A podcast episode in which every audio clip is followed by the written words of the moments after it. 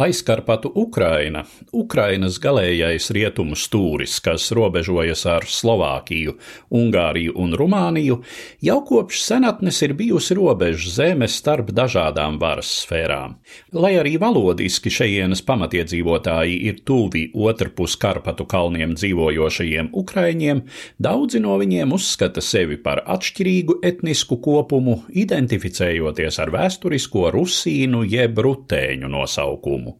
Tā viņi tika dēvēti viduslaikos, kad šī teritorija piederēja Ungārijas karaļvalstī, un vēlāk, kad tā bija Austrijas, pēc tam Austro-Ungārijas sastāvā. Vienā valstiskā veidojumā ar pārējo Ukraiņu apdzīvoto teritoriju aizkarpatu Ukraina pirmoreiz nonāca 1945. gada 29. jūnijā, kad to anektēja Padomju Savienība. Pirmo reizi jautājums par aizkarpatu Ukrainas valstisko piedarību aktualizējās Pirmā pasaules kara noslēgumā, sabrūkot Austro-Ungārijas impērijai. Ukrainas nacionālais valstiskums, kurā aizkarpatu reģionam būtu vieta pēc etniskā sastāva, tobrīd, kā zināms, neīstenojās. Lielākā daļa Ukrainas kļuva par Padomju Savienoto republiku, mazākā Rietumu-Ukraina nonāca Polijas sastāvā.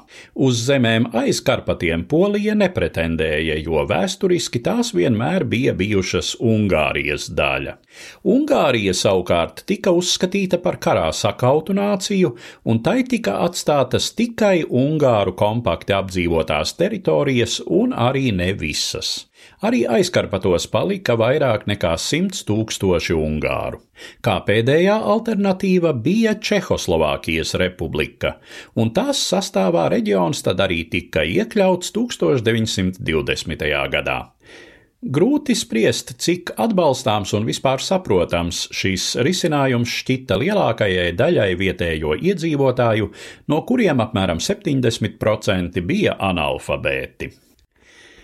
Starpkaru Čehoslovākija bija demokrātiska valsts ar visumā tolerantu minoritāšu politiku. Prāgas valdība daudz darīja, attīstot reģionu, kurā nebija tikpat kā nekādas rūpniecības, un daudzi vietējie dzīvoja to pašu Karpatu ganu dzīvi, kādu bija dzīvojuši viņu senči paudžu paudzēs. Taču Otrā pasaules kara priekšvakarā Čehoslovākija kļuva par nacistu agresijas upuri. 1939. gada martā Reiha armijas okupēja visu Čehiju, Slovākija pasludināja neatkarību un kļuva par Vācijas satelītu valsti. Neatkarību pasludināja arī Karpatu Ukrainas republika, taču jau dienu vēlāk te iemaršēja Ungārijas armija, uz pieciem gadiem padarot aizkarpatu Ukrainu par Ungārijas daļu. 1944. gada rudenī vācu un ungāru spēkus no reģiona izsita sarkanās armijas uzbrukums. Starp padomju valdību un Čehoslovākijas trimdas valdību Londonā pastāvēja vienošanās, ka visā Čehoslovākijas teritorijā tik līdz tā vairs nav frontes zonā, atjaunojama tās varas iestāžu darbība. Londonas valdības pārstāvji ieradās aizkarpatos, taču, kā viņi drīz ziņoja no turienes, padomju okupācijas iestādes viņus praktiski ignorēja, vietējie iedzīvotāji tika masveidā mobilizēti sarkanarmijā, notika plaša un atklāta aģitācija par aizkarpatu Ukrainas pievienošanu padomju savienībai. 1944. gada novembrī Mukačevas pilsētā okupācijas varas organizētā tā sauktā aizkarpatu Ukrainas tautas padome aicināja pievienot reģionu padomju savienībai.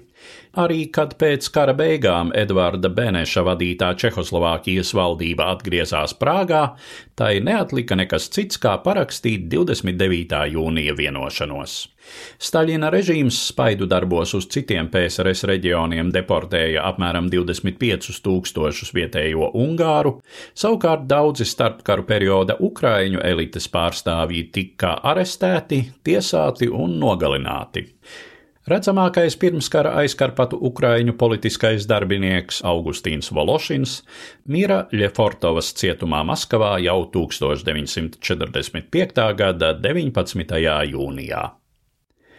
Stāstīja Eduards Liniņš.